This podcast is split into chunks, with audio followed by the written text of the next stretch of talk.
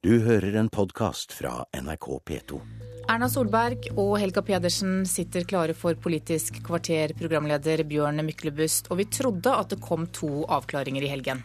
Ja, at Senterpartiet og SV ikke tar omkamp i regjeringen om EØS-avtalen. Og Erna Solberg som sa at borgerlig politikk ikke er veien til helvete.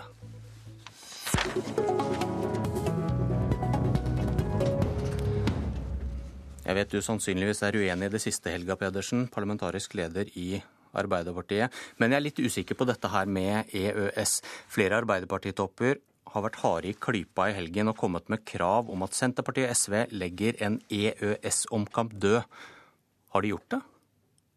Først vil jeg si at EØS-avtalen er en forutsetning for dagens regjeringssamarbeid. Dette var et av de første spørsmålene som ble avklart før valget i 2005. Eh, og det må være en forutsetning også for et eh, videre rød-grønt samarbeid. Og jeg forventer at eh, Senterpartiet avklarer de gjenværende spørsmål, altså hvorvidt de vil reforhandle avtalen eller ikke. For fredag så står det på Senterpartiets hjemmeside Liv Signe Navarsete slår fast at Senterpartiet ikke vil ta omkamp om EØS-avtalen i en ny rød-grønn regjering. Og så i dag i Nasjonen Nei, jeg kan ikke bekrefte at ikke Senterpartiet vil kreve en reforhandling av avtalen. Ja, jeg forventer at eh, Senterpartiet avklarer dette eh, spørsmålet raskt. Eh, fra Arbeiderpartiet sin side så forventer vi selvfølgelig ikke at Senterpartiet skal endre sine primærstandpunkter. Men det er viktig at de avklarer det spørsmålet i forhold til regjeringssamarbeidet videre. Det har Arbeiderpartiet vært tydelig på hele tida. Eh, vi har ikke endra oppfatning eh, om det. Og så forventer jeg samme tydelighet fra høyresida, der jo også Fremskrittspartiet har tatt til orde for å reforhandle deler av EØS-avtalen. Men det jeg hører deg si, er at selv om Senterpartiet hevder at vi har avklart det vi skal avklare, så savner du noe mer? Ja, Det kan ikke stilles spørsmål ved hvorvidt man vil reforhandle eh, deler av EØS-avtalen, for det vil være å sette hele avtalen i spill. Høyre-leder Erna Solberg, fikk du i dag tilbake argumentet du trodde glapp på fredag, det om rød-grønt kaos? Jeg er faktisk mest opptatt av at EØS-avtalen er en grunnstein i norsk eh, politikk. I den formen av at for norsk næringsliv så er det det som er den viktige tilknytningen til det indre markedet. Det er det som gjør at vi er bedre skjermet mot urettmessige anklager om dumping. Det har en utrolig betydning for hvordan vi knytter til masse av de andre samarbeidene som vi har med EU. Det går gjennom EØS-avtalen. Viktig å si det først. Så er det jo interessant å se at det veksler frem og tilbake. For meg er det uansett har jeg registrert i løpet av den, særlig den siste stortingsperioden at selv om denne regjeringen sier at de styrer på EØS-avtalen, så er det et kontinuerlig undergravingsarbeid som gjøres fra de partiene som har som sin primærstandpunkt å være nei til EØS, på direktiv etter direktiv. Det er nei-sidens uh, Nei-sidens arbeidsmetode for tiden det er å forsøke å undergrave EØS-avtalen med mest mulig reservasjonsspørsmål mot EU. Og eh, på ett område så glapp det også fra Arbeiderpartiet når det gjaldt eh, landsmøtets behandling av postdirektivet. Men hvordan leser du disse signalene fra Senterpartiet, som på den ene siden av vi vil ikke Vi vil gå inn i en Soria Moria 3 med at vi ikke vil ta en omkamp, men en fireårsperiode er lang, som de sier. Ja, De skaper forvirring om hva som er egentlig standpunktet, og om hva de kommer til å gjøre. Og det gjør jo at det svekker selvfølgelig troverdigheten til at en ny, eventuell ny rød-grønn regjering faktisk kommer til å stille opp for og arbeide for EØS-avtalen. Vi har styrt på EØS-avtalen eh, siden 2005, og jeg legger til grunn at eh, det skal vi også gjøre i neste stortingsperiode. Og Arbeiderpartiet har vært veldig tydelig i dette spørsmålet. Vi har også vært tydelige på hvilke avklaringer vi forventer fra våre samarbeidspartnere. Og jeg mener Det står ikke i veien for at vi skal bruke det handlingsrommet som finnes innenfor EØS-avtalen. Det mener jeg faktisk er en forpliktelse for en ansvarlig norsk regjering i et uh, lite land. Eh, og når eh, Erna Solberg etterlyser eh, tydelighet, så vil jeg jo spille ballen tilbake. Også på høyresida ser vi at det er uenigheter om EØS-avtalen. Og Fremskrittspartiet har bl.a. i sitt partiprogram tatt til orde for å reforhandle deler av EØS-avtalen. Og Vi ser også at på et, det helt grunnleggende spørsmål i norsk politikk, som handler om å ta vare på norske arbeidsplasser i fremtida, nemlig handlingsregelen Det tar vi etterpå. Erna Solberg til Frp og EØS. Ja, altså EU, eh, Frp har stemt for EØS-avtalen i Stortinget. De har sagt at de er for den, at det er endringsområder. Til og med jeg mener at det er områder i EUs politikk som vi burde jobbe for å endre. Men jeg mener metoden for det er å jobbe for å endre direktiver, endre standpunkt til EU, være mye mer proaktiv før beslutningene fattes, enn å komme løpende etterpå. Og Dette var det denne regjeringen meldte når de eh, la frem en stortingsmelding i 2006 om en aktiv europapolitikk. Men det vi har sett etterpå, er på på, konfliktområde etter konfliktområde så har ikke regjeringen klart å formulere felles politikk før EU fatter sine beslutninger, og så kommer vi i etterkant. Og da blir spørsmålet alltid fordi vi ikke har klart å påvirke tidlig, ja, så blir det spørsmål skal vi si ja eller nei til noe som vi syns har enkelte ubehageligheter ved seg. Vi tar en runde to med dere etterpå, men først Magnus Takvam, politisk kommentator i NRK. Hvorfor har EØS plaget Arbeiderpartiet?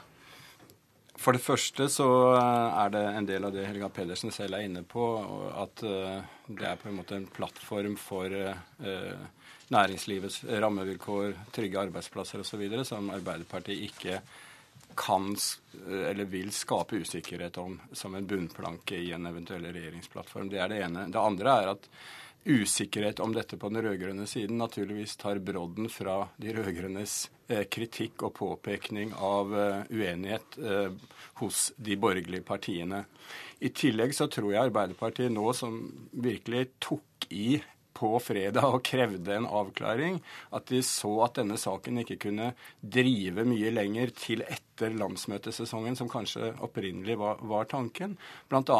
pga. hensynet til LO-kongressen. For Arbeiderpartiet er det veldig uh, lite uh, heldig dersom LO-kongressen vedtar eh, krav til EØS-avtalen som, som, partiet kommer til å slite med i valgkampen. Og, og, på en måte hele forholdet til LO spiller også en viktig rolle her, tror jeg. Så sa SV og Senterpartiet at de ikke vil ta en omkamp på fredag. Men så kommer avisa Nasjonen i dag. Har de avklart dette spørsmålet, eller har de ikke? Helga Pedersen sier jo selv at uh, dette spørsmålet om reforhandling må man avklare. og Da betyr vel det at man ikke er fornøyd med den avklaringen. Uh, så får vi se om det er misforståelser eller hva det er snakk om. Men jeg tror Senterpartiet og SV var opptatt av å slå fast at uh, de ikke vil ta omkamp på EØS-avtalen, men samtidig si at det er et handlingsrom som de to partiene også må kunne markere seg på tidligere regjeringsplattformer, har gitt adgang til å dissentere osv. på enkeltdirektiver. Så dette er en balansegang, men som lett kan ende opp i dobbeltkommunikasjon, selvfølgelig. Takk så langt, Magnus Takvam. Rød-grønn himmel og blått helvete. For å slå tilbake dette, forsikrer du at det ikke blir så store endringer med Høyre, Erna Solberg? Jeg sa at det blir forskjeller. Men jeg syns at denne karikerte debattformen, hvor det ene er himmelen og det andre er helvete, blir litt utro, lite troverdig. Eh, jeg tror vi skal anerkjenne ja, det er forskjeller, og det er ulike retninger med, eh, med de regjeringsalternativene som, eh, som er nå.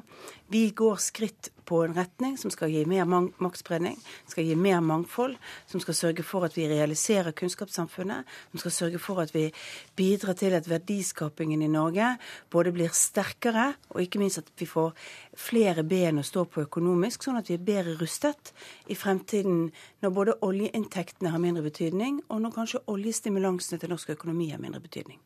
Arbeiderpartiet har arbeid til alle som jobb nummer én. Nå heiser du 'skape trygge arbeidsplasser' som det viktigste valgkampsaken til Høyre. Og disse ordene har vi ikke sett på Høyre-plakater før. Eh, nei, Vi har veldig ofte snakket om konkurransekraften til Norge. Eh, og vi har snakket om konkurransekraften til bedriftene.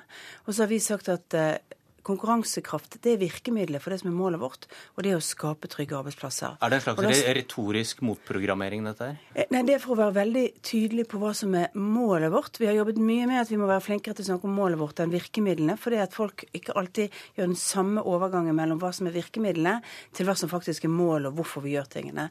Derfor sier vi skape trygge arbeidsplasser. Men det er oppsummeringen av den politikken vi har snakket om lenge, som dreier seg om mer forskning, tettere samarbeid mellom forskningsinstitusjoner og næringslivet, som dreier seg om å bygge bedre veier, som dreier seg om å senke skattenivået for uh, norske bedrifter, og som ikke minst dreier seg om å sørge for at vi har et mindre skjemavelde og enda mer kompetente mennesker i dette landet som kan løfte oss fremover. Helga Pedersen, kunne skape trygge arbeidsplasser kledd en valgkampplakat fra Arbeiderpartiet også? Ja, fordi at det er den viktigste oppgaven i det norske samfunnet. Eh, så vil jeg bare til innledninga si at eh, selv om eh, det kanskje ikke er til himmel eller helvete vi sikter oss, så vil jo Arbeiderpartiet og Høyre hver sin retning med det norske samfunnet. Og på dette området mener jeg faktisk at det ikke er behov for en ny retning i det norske samfunnet. Fordi siden 2005 er det skapt 340 000 nye arbeidsplasser i Norge. I fjor ble det etablert 25 000 nye AS-er i dette eh, landet.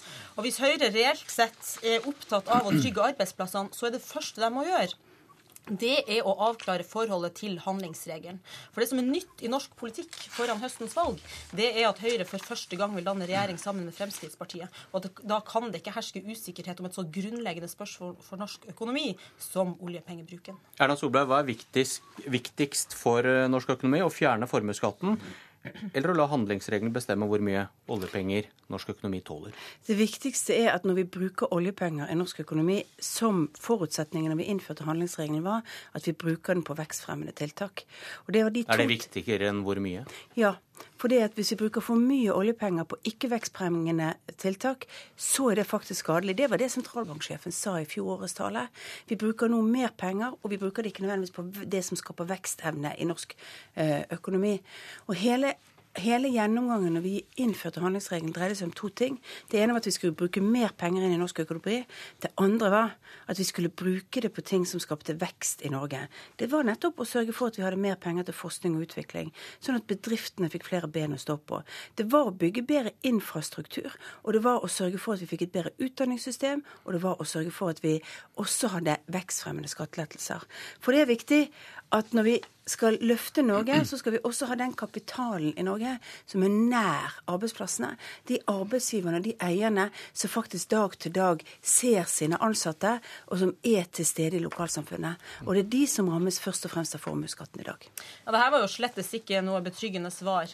Eh, da Arbeiderpartiet bestemte seg for at vi ville gå i regjering sammen med SV og Senterpartiet i 2005, så var forholdet til handlingsregelen og nivået på oljepengebruken et av de første spørsmålene vi avklarte. Og jeg mener det, Erna Solberg svarte jo overhodet ikke på spørsmålet. Vil hun stille tilsvarende krav til Fremskrittspartiet? Eller skal forholdet til handlingsregelen bli en forundringspakke som norske velgere skal pakke opp eh, etter valget? Ja, jeg har sagt veldig tydelig ganske mange ganger at for oss er en ansvarlig økonomisk politikk uttrykt bl.a. med handlingsregelen, men den er ikke uttrykt bare med handlingsregelen. Det, det er et tegn som Arbeiderpartiet forsøker å lage i norsk politikk, at det er bare handlingsregelen som er ansvarlig økonomisk politikk. Den uansvarlige delen av regjeringens politikk er at de ikke bruker pengene som handlingsregelen medfører, til å skape mer vekst i Norge gjennom å satse på de tiltakene som vi var enige om skulle brukes penger på, nemlig mer penger på samferdsel, mer penger på forskning og utvikling. Jeg kan ta hele den reisen på nytt igjen, men det er altså målt at av deres, økte vekst, av deres økte bruk av oljepenger, så har dere bare brukt 15% av de til det, denne typen tiltak. Jeg vil jo si, det, er grunn, det er grunnleggende uansvarlig å gi flere titalls milliarder i skattekutt fremfor å satse på forskning og samferdsel i en tid da Norge står overfor store utfordringer. Men det er oppsiktsvekkende at Erna Solberg fortsatt ikke vil stille krav til Fremskrittspartiet om å avklare handlingsregelen, som er et av som er fundamentet for norsk økonomi. Jeg spår at vi får flere debatter. Krav skjer ikke i offentligheten, vet du. Det vet Helga Pedersen like mye som meg. Dere får komme tilbake til Politisk kvarter. Politisk kommentator Magnus Kakvam. Blåser disse to opp forskjellene seg imellom? Ja, delvis gjør det jo det. Eh, eh, Arbeiderpartiet er jo, som vi hører, eh, mest opptatt av å peke på de uavklarte tingene på den borgerlige siden. Handlingsregelen, skattepolitikk osv.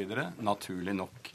Eh, så er Høyre, eh, slik jeg leser dem, eh, opptatt av å si at den rød-grønne regjeringen har sittet i åtte år å peke på de sviktene man fremdeles ser på områder, viktige områder i, i, velferdsstaten. Altså utdanning, helse, skole, forskning osv. Slik at det er to ulike strategier. Men jeg tror at dersom styrkeforholdet mellom Høyre og Frp er så stort i Høyres favør eh, som det er nå fortsatt, så tror jeg ikke det vil bite nok denne uh, forskjellsargumentasjonen fra Arbeiderpartiet. Men skulle styrkeforholdet endre seg fram mot valget, så vil det kunne bevege mer, tror jeg. Magnus Takvam, Helga Pedersen, Erna Solberg, takk for at dere var med i Politisk kvarter i dag. Vil dere ha kontakt med oss, kontakt oss på politikk at nrk.no. Politisk kvarter i dag var ved Bjørn Myklebust. Du har hørt en podkast fra NRK P2.